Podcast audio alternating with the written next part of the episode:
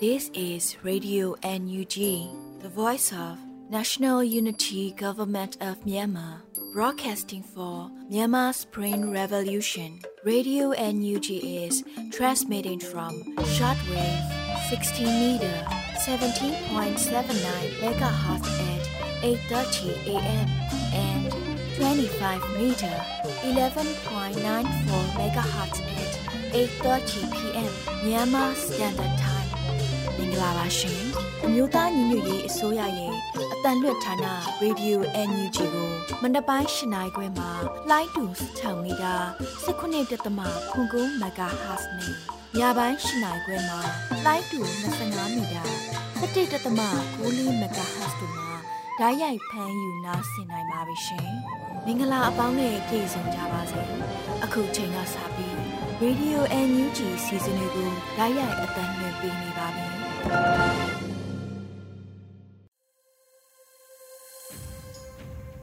မြန်မာနိုင်ငံသူနိုင်ငံသားပေါင်းတဘာဝပြီးစစ်အာဏာရှင်ဘေးရော်နီကင်ဝေးပြီးကိုစိတ်နှပါကြမလုံးခြုံပေးကင်းကြပါစေလို့ရေဒီယို UNG အဖွဲ့သားများကဆုမွန်ကောင်းတောင်းပေးလိုက်ပါတယ်ရှင်။အခုချိန်ကစပြီးရေဒီယို UNG ရဲ့ပြည်တွင်းသတင်းများကိုຫນွေဦးမွန်ကဖတ်ကြားတင်ပြပေးပါမယ်ရှင်။မင်္ဂလာမနက်ခင်းပါရှင်။ 2023ခုနှစ်ဩဂုတ်လ24ရက်နေ့ Radio Energy မနက်ခင်းပြည်တွင်သတင်းများကိုတင်ပြပေးသွားပါမယ်။ကျွန်မကတော့ຫນွေဦးမွန်ပါ။မြို့သားညီညွတ်ရေးအစိုးရအနေနဲ့ရိုဟင်ဂျာတွေအတွက်ချက်၃ချက်ကိုလှုပ်ဆောင်နေတယ်လို့ပြည်ထောင်စုဝန်ကြီးချုပ်ပြောကြားတဲ့အကြောင်းအရာကိုတင်ပြပေးပါမယ်။ဩဂုတ်လ23ရက်မှာပြုလုပ်တဲ့ဆိုရသောနေထာယုံများမှတရားမျှတသောအနာဂတ်စီတို့စကားဝိုင်းမှာပြည်ထောင်စုဝန်ကြီးချုပ်မန်ဝင်းခိုင်တန်းကအခုလိုပြောပါရယ်။ မြို့သားညီညွတ်ရေးအစိုးရအနေနဲ့ရိုဟင်ဂျာတွေအတွက်အချက်၃ချက်ကိုလှုံ့ဆော်နေပြီးတော့အဲ့ဒီချက်လက်တွေကတရားမျှတမှုနဲ့တာဝန်ယူမှုကိုတည်ဆောက်ကရိုဟင်ဂျာပြည်သူများပြည်တော်ပြန်နိုင်ရေးအထောက်အကူပြုကခြေနေများဖန်တီးတာနဲ့ဥပဒေရနဲ့လက်တွေ့ရဒဏ်ညူညီမျှမှုပေးနိုင်ရန်တို့ကြိုးပမ်းတာဖြစ်ပါတယ်။တာဝန်ယူမှုတာဝန်ခံမှုနဲ့ပတ်သက်ပြီးမြို့သားညီညွတ်ရေးအစိုးရအနေနဲ့ပြည်ပဆိုင်ရာတရားရုံးပြည်ပဆိုင်ရာပြည်မှုဆိုင်ရာတရားရုံးနဲ့ပြည်ပဆိုင်ရာတရားမျှတမှုများနဲ့အတူရိုဟင်ဂျာများတရားမျှတမှုရရင်အကြမ်းဖက်စစ်တပ်ကို ပြင်းပြင်းထန်ထန်အပြစ်ပေးနိုင်ရန်အစဉ်တစိုက်ကြိုးပမ်းလျက်ရှိပါတယ်လို့ဆိုပါတယ်။ဂျမတ်စစ်တပ်ရဲ့လူမျိုးတုံးတပ်ဖြတ်မှုများကြောင့်တသန်းဝင်းကျင်ကရိုဟင်ဂျာများဘင်္ဂလားဒေ့ရှ်ဒုက္ခသည်စခန်းများမှာခိုလုံနေကြရပါတယ်ရှင်။ဒီမောနိုင်ငံသမ္မတကြီးအရှိဂျိုးစ်ရာမို့စ်ဟော်တာနဲ့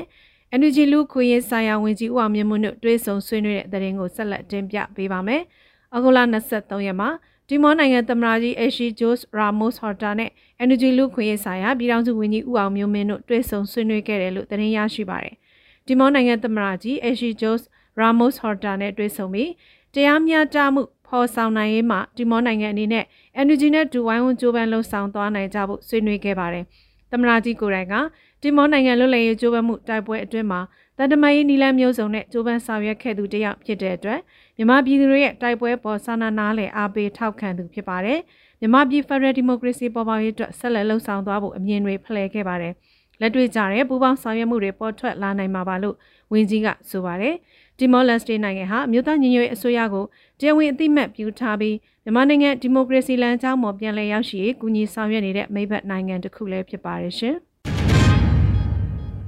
2023ခုနှစ်ဇူလိုင်လအတွင်းပလဲမြို့နယ်အတွင်းဂိတ်6ဂိတ်ဖြင့်ကောက်ခံရရှိသောအခွန်ငွေသိန်း160ကျော်ရရှိထားတယ်ဆိုတဲ့သတင်းကိုဆက်လက်တင်ပြပေးပါမယ်။2023ခုနှစ်ဇူလိုင်လအတွင်းပလဲမြို့နယ်အတွင်းဂိတ်6ဂိတ်ဖြင့်ကောက်ခံရရှိသောအခွန်ငွေသိန်း160ကျော်ရရှိခဲ့တယ်လို့အဂုတ်လ23ရက်မှာပလဲမြို့နယ်ပြည်သူ့အုပ်ချုပ်ရေးအဖွဲ့ကဆိုပါတယ်။မြို့သားညီညွတ်ရေးအစိုးရပလဲမြို့နယ်ပြည်သူ့အုပ်ချုပ်ရေးအဖွဲ့မြို့နယ်ပြည်သူ့ကာကွယ်ရေးအဖွဲ့မြို့နယ်ပြည်သူ့လုံခြုံရေးအဖွဲ့ ဘဏ္ဍာခွဲဝေရေးနဲ့လစဉ်အစည်းအဝေးကို2023ဩဂုတ်လ14ရက်ကကျင်းပခဲ့ပါတယ်။ပညာရေး၊ကျန်းမာရေး၊တရားရေး၊လျှက်စစ်ရေး၊လုံခြုံရေး၊ကာကွယ်ရေး၊တစ်တော်ရေးလူသားစာနာတာဝန်ခံခုနအရာရှိစသည့်သက်ဆိုင်ရာတာဝန်ခံအသီးသီးတို့မှပလဲမြို့နယ်တွင်လှုပ်ဆောင်နေမှုများလိုအပ်ချက်များကိုဆွေးနွေးပြောကြားခဲ့ပါတယ်။ဗဏ္ဍာရေးတာဝန်ခံမှပလဲမြို့နယ်တွင်ဂိတ်ကိုဂိတ်ဖြင့်ကောက်ခဲရရှိသောအခုငွေရှင်းနှန်းပြုလုပ်ပြီး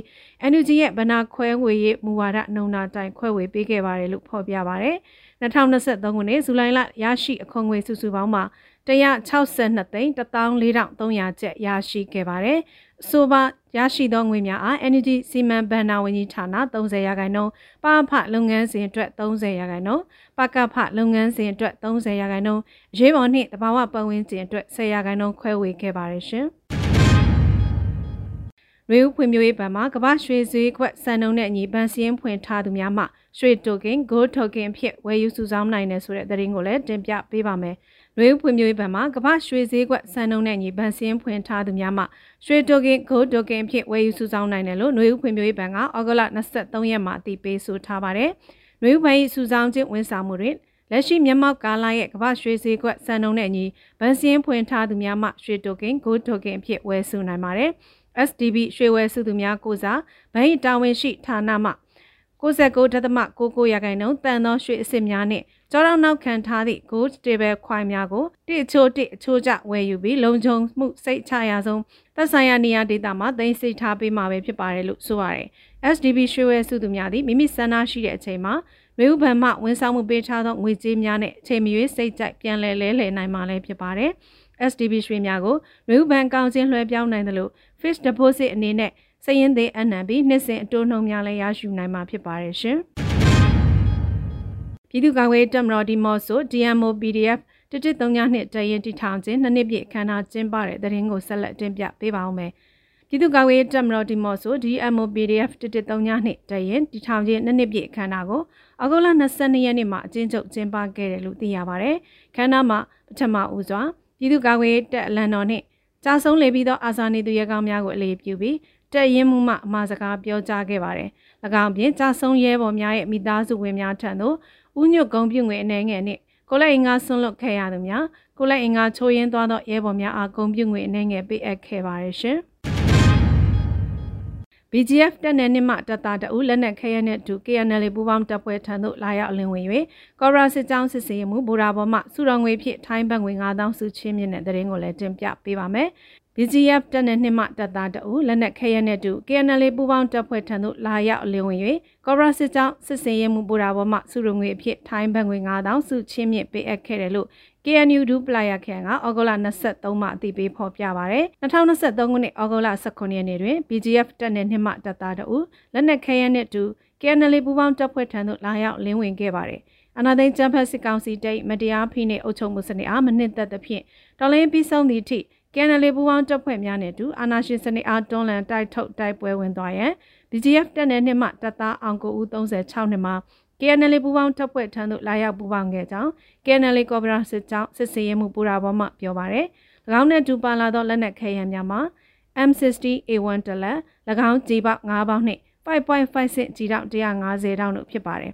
အာနာသိန်းကျမစစ်ကောင်စီတပ်၏မတရားဖိနှိပ်အုပ်ချုပ်မှုစနစ်အားဆန့်ကျင်၍ KNL ပူပေါင်းတပ်ဖွဲ့ထံသို့လာရောက်ပူပေါင်းသောစစ်ကောင်စီလက်အောက်ခံတပ်မှမြည်သည့်စစ်သားမဆို KNL ပူပေါင်းတပ်ဖွဲ့များနှင့်ပြည်သူများမှနှွေးထွေးစွာကြိုးစိုးလျက်ရှိနေပြီးစုရုံငွေများဖြင့်လည်းစုချင်းမြက်လျက်ရှိတယ်လို့ဆိုပါရယ်။သို့ဖြစ်၍လက်နက်ခဲယမ်းများနှင့်အတူလာရောက်ပူပေါင်းလာသောတပ်သားအောင်ကိုဦးသည်လည်း KNL ပူပေါင်းတပ်ဖွဲ့များမှနှွေးထွေးစွာကြိုးစိုးပြီး KNL ကော်ပိုရာစစ်ကြောင်းစစ်စင်ရေးမှုဗိုလ်ရာဘော်မှစုတော်ငွေအဖြစ်ထိုင်းဘတ်ငွေ9000တိတိချီးမြှင့်ခဲ့ပါရရှင်။ မုံရွာတွင်ကိုဝန်ဆောင်မြို့သမီးတူဝါတပ်ဖြတ်ဓမြတိုက်မှုကျူးလွန်သည့်လူခုနှစ်ဦးကိုပုံမှန်3ခုဖြင့်တရားစွဲဆိုတင်ပို့ထားကြောင်းမုံရွာပြည်သူ့အုပ်ချုပ်ရေးအဖွဲ့ထုတ်ပြန်တဲ့သတင်းကိုဆက်လက်တင်ပြပေးပါမယ်။မုံရွာမှာကိုဝင်ဆောင်တဲ့မြို့သမီးကိုတပ်ဖြတ်ဓမြတိုက်မှုကျူးလွန်ခဲ့တဲ့လူခုနှစ်ဦးကိုပုံမှန်3ခုနဲ့တရားစွဲဆိုတင်ပို့ထားကြောင်း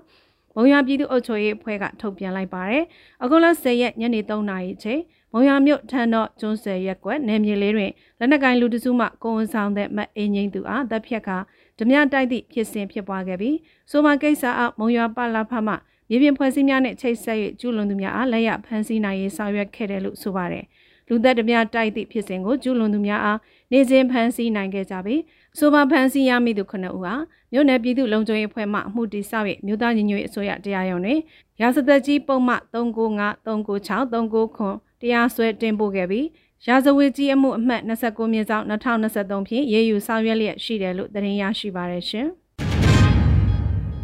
ပြည်သူလေးဦးအားအင်တော်စစ်ခုံရုံးမှတည်တံချမှတ်တဲ့သတင်းကိုတင်ပြပေးပါောင်းမယ်။ပြည်သူလေးဦးကိုအင်တော်စစ်ခုံရုံးမှတည်တံချမှတ်လိုက်ကြောင်းအင်တော် IR team ကအဂုတ်လ23ရက်မှာတည်ပေးဆိုပါတယ်။စကိုင်းတိုင်းထပ်ပိုင်းအင်တော်မြို့နယ်တွင်အဂုတ်လ16ရက်နေ့ကပြည်သူလေးဦးကိုအင်တော်စစ်ခုံရုံးမှတည်တံချမှတ်လိုက်ကြောင်းသိရပါတယ်။ပြည်တံချမှတ်ခံရသူများမှာ မုံရွာနှင့်မြကြီးနားခီးတဲ့တင်ကားမောင်းသည့်ကိုစော်မျိုးထွန်းခဒိုနီနှင့်ထီးကျိုင်းမြို့နယ်ဘက်မှကျော်စွာဝင်းခကျော်စွာနှင့်မမမြင့်မြင့်အေးခအေးအေးဖြစ်ပြီးကြံတဦးဖြစ်သည့်အောင်ကျော်ကျော်မိုးခလာလာမှာမိသည့်ဒေတာကဖြစ်ကြောင်းမသိရှိရသေးပါလို့ဆိုပါတယ်။ဇော်မျိုးထွန်းခေါ်တိုနီဆိုသူမှာပြီးခဲ့တဲ့ဧပြီလပိုင်းလောက်တွင်ကားမောင်းနေရင်အင်တော်စစ်စေးဂိတ်တွင်ဖမ်းဆီးခံခဲ့ရပြီးကိုကျော်စောဝင်းခေါ်ကျော်စွာနှင့်မြင့်မြင့်အေးခေါ်မအေးမှာဇွန်လပိုင်းလောက်ကအင်တော်မျိုးတွေမှာဖမ်းဆီးခံခဲ့ရက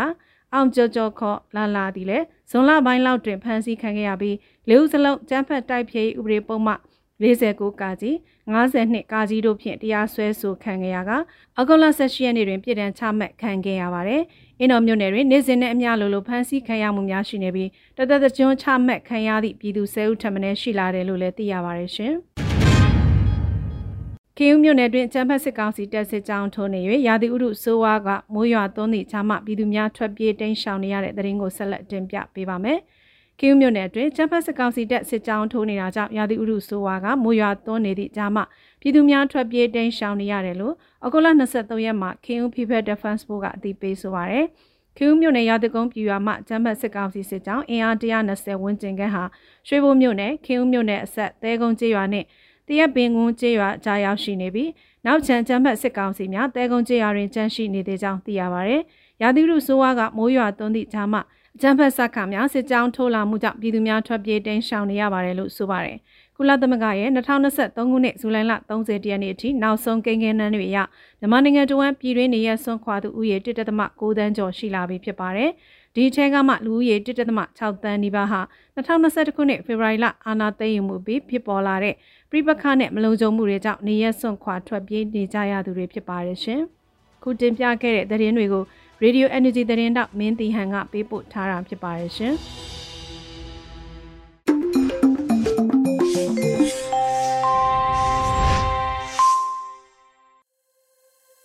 ယခုဆက်လက်ပြီးတက်ဦးလရေးသားထားတဲ့ မီးကြောက်လိုက်ကားဆိုတဲ့ဒေါ်လှိုင်းကပြတပုတ်ကိုနှွေဦးမို့ကခန်းစားရွက်ဖတ်ထားတာနားဆင်ရမှာဖြစ်ပါတယ်ရှင်မီးတောက်လိုက်ကခါလဲမတက်နိုင်ဘူးအမေအချစ်မှမရှိတာမျက်ခုံးလှုပ်တယ်ငလင်လှုပ်တယ်ရွှေဈေးလှုပ်တယ်စီဈေးလှုပ်တယ်ဒေါ်လာလှုပ်တယ်ကုန်ဈေးနှုန်းလှုပ်တယ်အိမ်မက်တွေပက်လက်ကြီးပြန်နေတယ် အိမ်မက်ထဲစစ်ပေးရှောင်တွေလောင်းချတယ်အိမ်မက်ကိုပြစ်ချတယ်ပထမအိမ်မက်ထဲဒုတိယအိမ်မက်တွေပြုတ်ကြတယ်ဘသူမှကျေးဇူးစကားပြောမသွားဘူးပဲဘသူမှတတိယကြောင့်ဖုန်းမဆက်ဘူးပဲကျေးဇူးပြု၍ရှေ့လဆက်ဖက်ပါရှေ့တလာကိုဘယ်စစ်ပွဲနဲ့မိတ်ဆွေဖွဲ့ရမလဲဘယ်အိမ်ကစစ်ပွဲအပြေလည်ဆုံးလဲ ဘသူအိမ်ကစစ်ပွဲဟာအပြင်းထန်ဆုံးလဲစစ်ပွဲတစ်ပွဲတော့ချင်းမလားကြောင်တွေအတွက်မွေးနေ့ပွဲကျင်းပမလို့ဆိုလူတက်ပြီးပြန်တန်းနေတဲ့ခီးစင်မှာမင်းတို့ပျော်ရွှင်ပါပြည်တွင်းစစ်ကိုမီးဖုတ်စားတော့လေမွေးတာပါပဲအမေရဲ့အမေနာပေါက်ထဲကပြာစတွေလွင့်လွင့်လာတာကျွန်တော်မြင်ပါတယ်လူကလေးတို့ရဲ့ဘာမှအာမနာကြပါနဲ့စကိုင်းអော်တယ် ဒီတစ်ခါပွဲတော်ရဲ့ရောက်ရင်မိုးပြန်ပူပေါင်းနေတယ်စကိုင်းသွေးထိုးသွင်းပေးရမယ်ခဏနော်စစ်ပွဲကိုဆက်တိုက်ဖို့ငါတို့မှာအချိန်ဘလောက်ကြံသေးလဲမမငယ်တက်ဦးလာ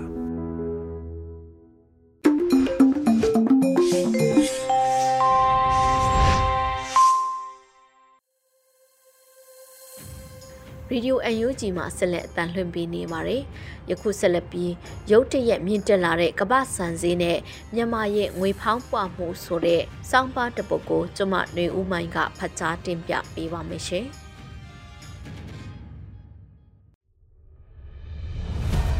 မြန်မာနွေဦးခရိုနီကယ်ဩဂတ်စ်22မြင်ကွင်းရုတ်တရက်မြင့်တက်လာတဲ့ကမ္ဘာစံစင်းနဲ့မြန်မာရဲ့ငွေဖောင်းပွားမှုဆိုတဲ့စောင်းပါးကိုဖတ်ကြားပေးသွားပါမယ်။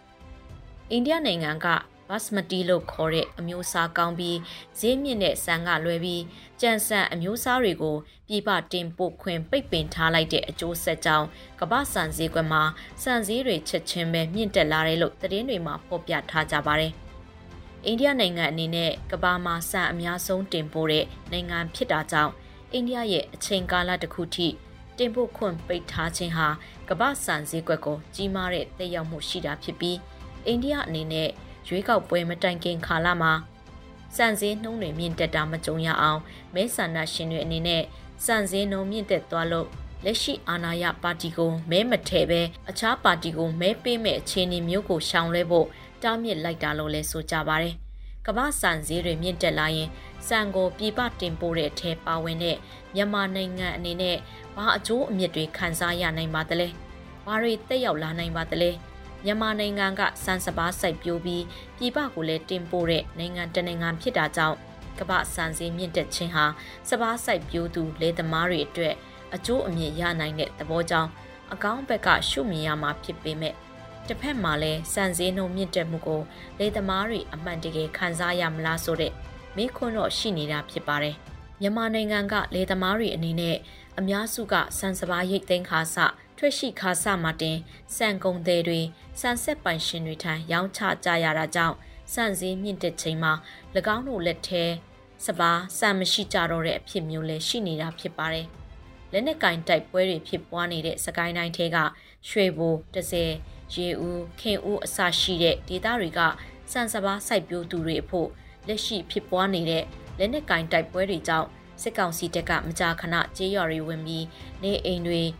ရိတ်ခါကိုတောင်စပကြီးစတာတွေကိုပြစ်မှတ်ထားဖြစ်စည်းနေတာကြောင့်လဲစပားရိတ်ပြီးလင်ပြီးချင်းမြို့တွေကိုပို့ပြီးရတဲ့ဈေးနဲ့ရောင်းချကြရတာလို့ဆိုပါတယ်။အခုလိုလက်နက်ကင်တိုက်ပွဲတွေမဖြစ်ပွားစဉ်ကဆိုရင်လုံးလုံးဆယ်ငွေမလို့သေးတဲ့အခါစပားရိတ်သိမ်းပြီးနောက်လိုအပ်တဲ့ငွေပမာဏလောက်သာရောင်းချပြီးကြံတဲ့ဆန်စပားကိုတိုးလှောင်ထားလေရှိကြတာဖြစ်ပါတယ်။ဒါပေမဲ့လက်နက်ကင်တိုက်ပွဲတွေဖြစ်ပွားလာပြီးနောက်စစ်ကြောင်းတွေဝင်ရောက်တာ ဆန်စပားတိုးလှောင်ထားတာတွေကိုယူသွားတာသို့မဟုတ်မိရှုဖျက်ဆီးခဲ့တာတွေကျူးလွန်လေရှိတာကြောင့်တိုးလှောင်ထားတာမရှိတော့ဘဲရွှေဘိုမုံရွာစတဲ့မြို့တွေကစံကုန်သေးတွေစီထိုးရောင်းကြရတယ်လို့တစေကဒေတာခန်တိုးကပြောပါတယ်။စံကုန်သေးတွေပြပတင်ပို့သူတွေအနေနဲ့တော့ဈေးကောင်းရလို့အကျိုးမြတ်ခံစားရနိုင်ပေမဲ့စိုက်ပျိုးထုတ်လုပ်သူတွေအတွက်တော့အကျိုးခံစားရဖို့လမ်းသိမ့်မမြင်တဲ့သဘောလည်းဖြစ်ပါတယ်။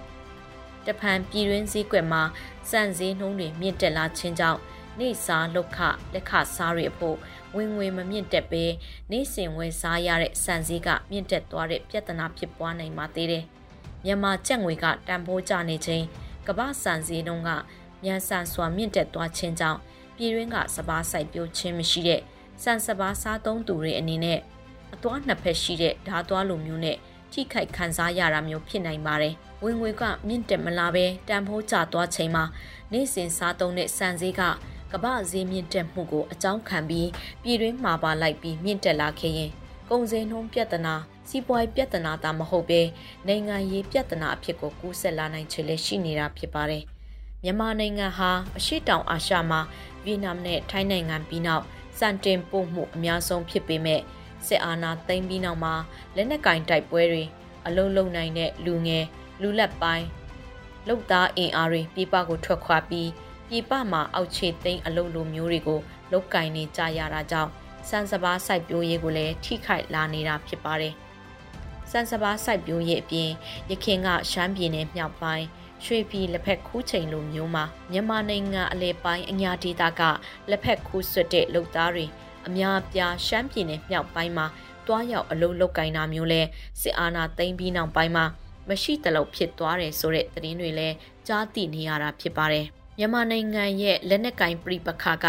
စစ်ပွဲတွေတင်မကပဲဖွံ့ဖြိုးမှုနှိမ်ချခြင်းအလုတ်အကင်ခွင်လန်းပြစ်သုံးခြင်းနဲ့ရိတ်ခါမလုံးလောက်ခြင်းတို့အထိတက်ရောက်လာနေပြီဖြစ်ပါတော့တယ်ရှင်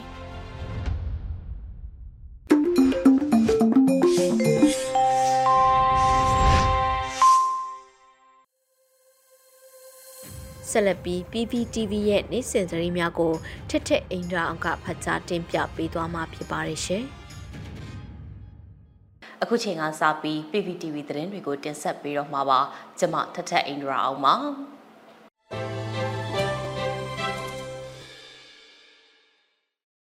ပထမဆုံးတင်ဆက်ပေးမယ့်သတင်းကတော့ UN အဖွဲ့အစည်းတွေအနေနဲ့လူသားချင်းစာနာထောက်ထားမှုအကူအညီတွေပေးရမှာ NUG အပါအဝင်တခြားအဖွဲ့တွေနဲ့ပါပူးပေါင်းမှုနိုင်ငံခြားရေးဝန်ကြီးဌာနကတိုက်တွန်းလိုက်တဲ့သတင်းမှာကူကုလအဖွဲ့အစည်းတွေအနေနဲ့လူသားချင်းစာနာထောက်ထားမှုအကူအညီတွေပေးရမှာအမျိုးသားညီညွတ်ရေးအစိုးရအပါအဝင်တခြားအဖွဲ့တွေနဲ့ပါပူးပေါင်းရန်လိုအပ်တယ်ဆိုပြီးတော့အမျိုးသားညီညွတ်ရေးအစိုးရနိုင်ငံခြားရေးဝန်ကြီးဌာနကတိုက်တွန်းလိုက်တာပါ UN အဖွဲ့အစည်းတွေအနေနဲ့လူသားချင်းစာနာထောက်ထားမှုအကူအညီတွေကိုမြန်မာပြည်အနှံ့လိုအပ်နေတဲ့ဒေသတွေကမြန်မာပြည်သူလူထုတွေစီကိုထိရောက်စွာပေးပို့နိုင်ရေးအတွက်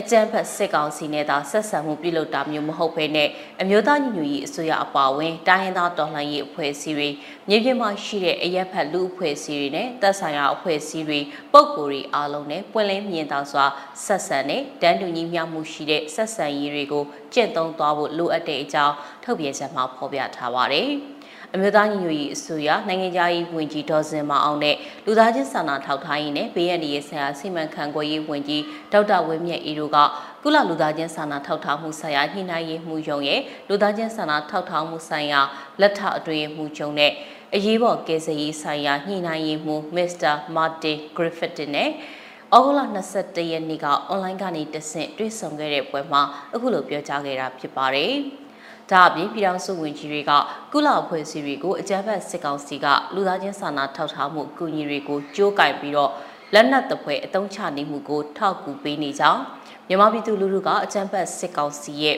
ဖန်တရားတည်နေတဲ့လိန်စင်တွေကိုကောင်းစွာနားလည်သဘောပေါက်ကြကြောင်းနဲ့အကြမ်းဖက်စစ်ကောင်စီကသူတို့တရားဝင်မှုရရှိရေးအတွက် လူသားချင်းစာနာထောက်ထားမှုအကူအညီပေးရေးလုပ်ငန်းစဉ်တွေကိုအလွဲသုံးစားလုပ်ဖို့အမြဲစဉ်းစားနေတာကိုသတိပြုဖို့လိုအပ်ကြောင်းတို့ကိုလည်းအလေးထားပြောကြားခဲ့တယ်လို့သိရပါဗျ။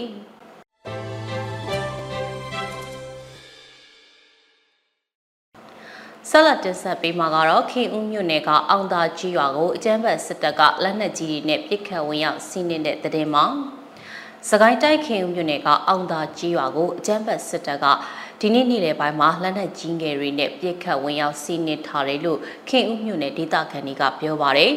။ရေဦးတိုင်းတိုင်းစေယုံကလာတဲ့အကြမ်းဖက်စစ်ကောင်စီစစ်ကြောင်းဟာဩဂုတ်လ22ရက်နေ့နေ့လယ်တနာရီမိနစ်30မှာအောင်သာကြီးရွာကိုလက်နက်ကြီးတွေနဲ့ပစ်ခတ်ပြီးတော့ဝင်ရောက်စီးနင်းထားတာပါ။အကြမ်းဖက်စစ်တပ်ရဲ့ပစ်ခတ်စစ်ကြောင်းထိုးနေလို့မြကန်ကုန်းသာပဒက်ကုန်းမယန်းအင်းအောင်သာ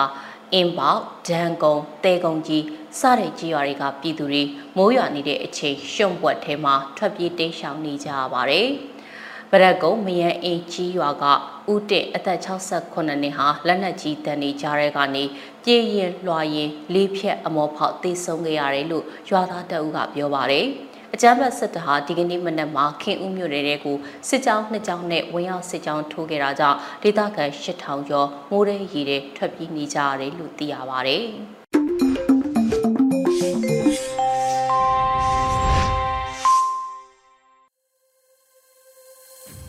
ယခုဆက်လက်ပြီး Radio UNG ရဲ့တော်လှန်တေဂီတအစီအစဉ်ကနေ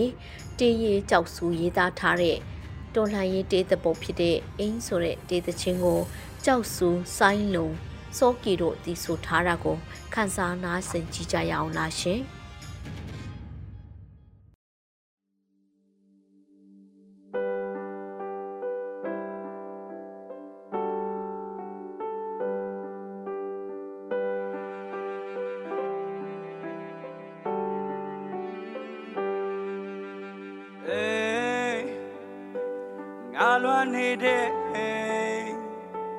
ရောက်နိုင်သေးတဲ့အိမ်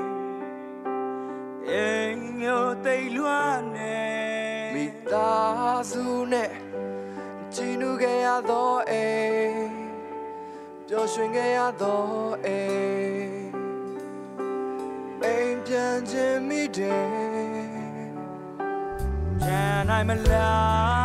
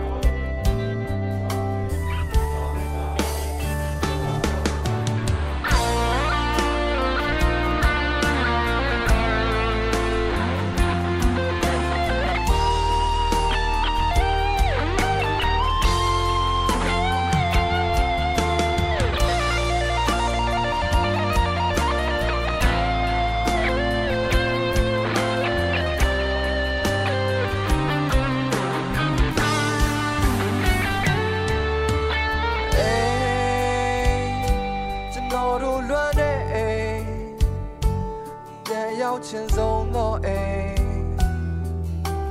အိမ်ပြန်လာခဲ့မယ်အနာဂတ်တစ်ခုအတွက်တန်ဖို့ကြီးမားတဲ့အိမ်ပိတ်ဆက်မှုများနဲ့အိမ်ဒီညာစွာတိဆောက်ကြမယ်ကြာနိုင်မလား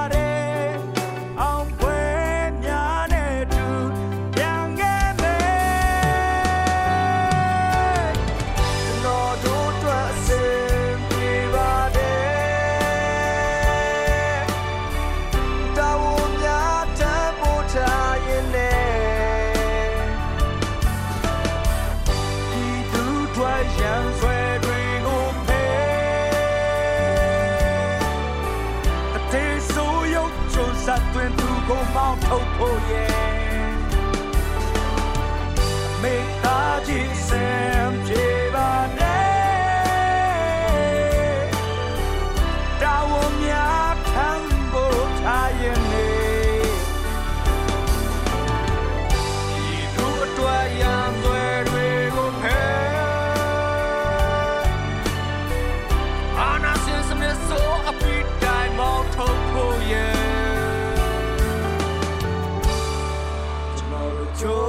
တာ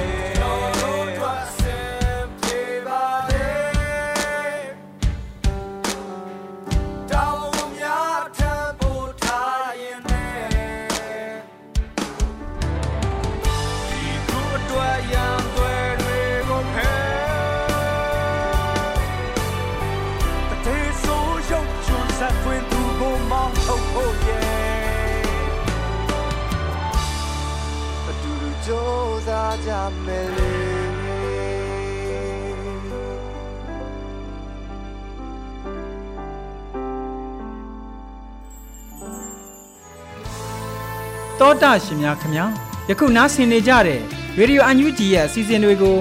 ရေဒီယိုလေးလိုင်းပေါ်မှာတိုက်ရိုက်ဖမ်းယူနားဆင်နိုင်တယ်လို့ website YouTube Telegram Facebook အစရှိတဲ့အခြားသော internet platform မျိုးစုံမှာလည်းမနေ့တစ်ကြိမ်ညတစ်ကြိမ်ပုံမှန်ထုတ်လွှင့်ပေးလျက်ရှိပါတယ် YouTube ပရိသတ်များအနေဖြင့် Radio UNG Channel ဖြစ်တဲ့ youtube.com/radiounug မြန်မာကိုဝင်ရောက် subscribe လုပ်ထားပြီးတော်လိုင်းရစ်အတွက်ထောက်ပို့ဝင်ငွေများကို တစ်ဖက်တစ်လမ်းကပါဝင်ကူညီနိုင်တဲ့အကြောင်းအသိပေးတင်ပြအပ်ပါတယ်ခင်ဗျာ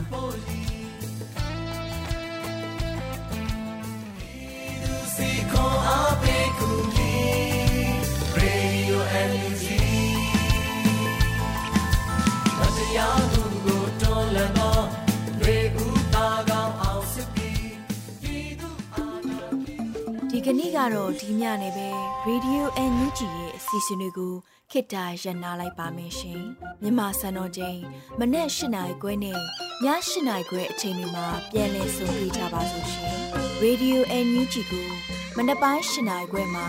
လိုင်းတူ16မီတာ19.7ခုကူမဂါဟတ်နဲ့ညပိုင်း၈နိုင်ခွဲမှာလိုင်းတူ25မီတာ17.6မဂါဟတ်တို့မှာဓာတ်ရိုက်ဖမ်းယူ နားဆင်နိုင်ပါပြီရှင်မြန်မာနိုင်ငံသူနိုင်ငံသားများကိုစိတ်နှဖျားစမ်းမချမ်းသာလို့ဘေးကင်းလုံခြုံကြပါစေလို့ Radio NUG ရဲ့ဖွဲ့သူဖွဲ့သားများကဆုတောင်းလိုက်ရပါတယ်။ San Francisco Bay Area အခြေစိုက်မြန်မာမိသားစုများနဲ့နိုင်ငံတကာကစေတနာရှင်များလိုအားပေးများရဲ့ Radio NUG ဖြစ်ပါတယ်ရှင်။အရေးတော်ပုံအောင်ရမည်။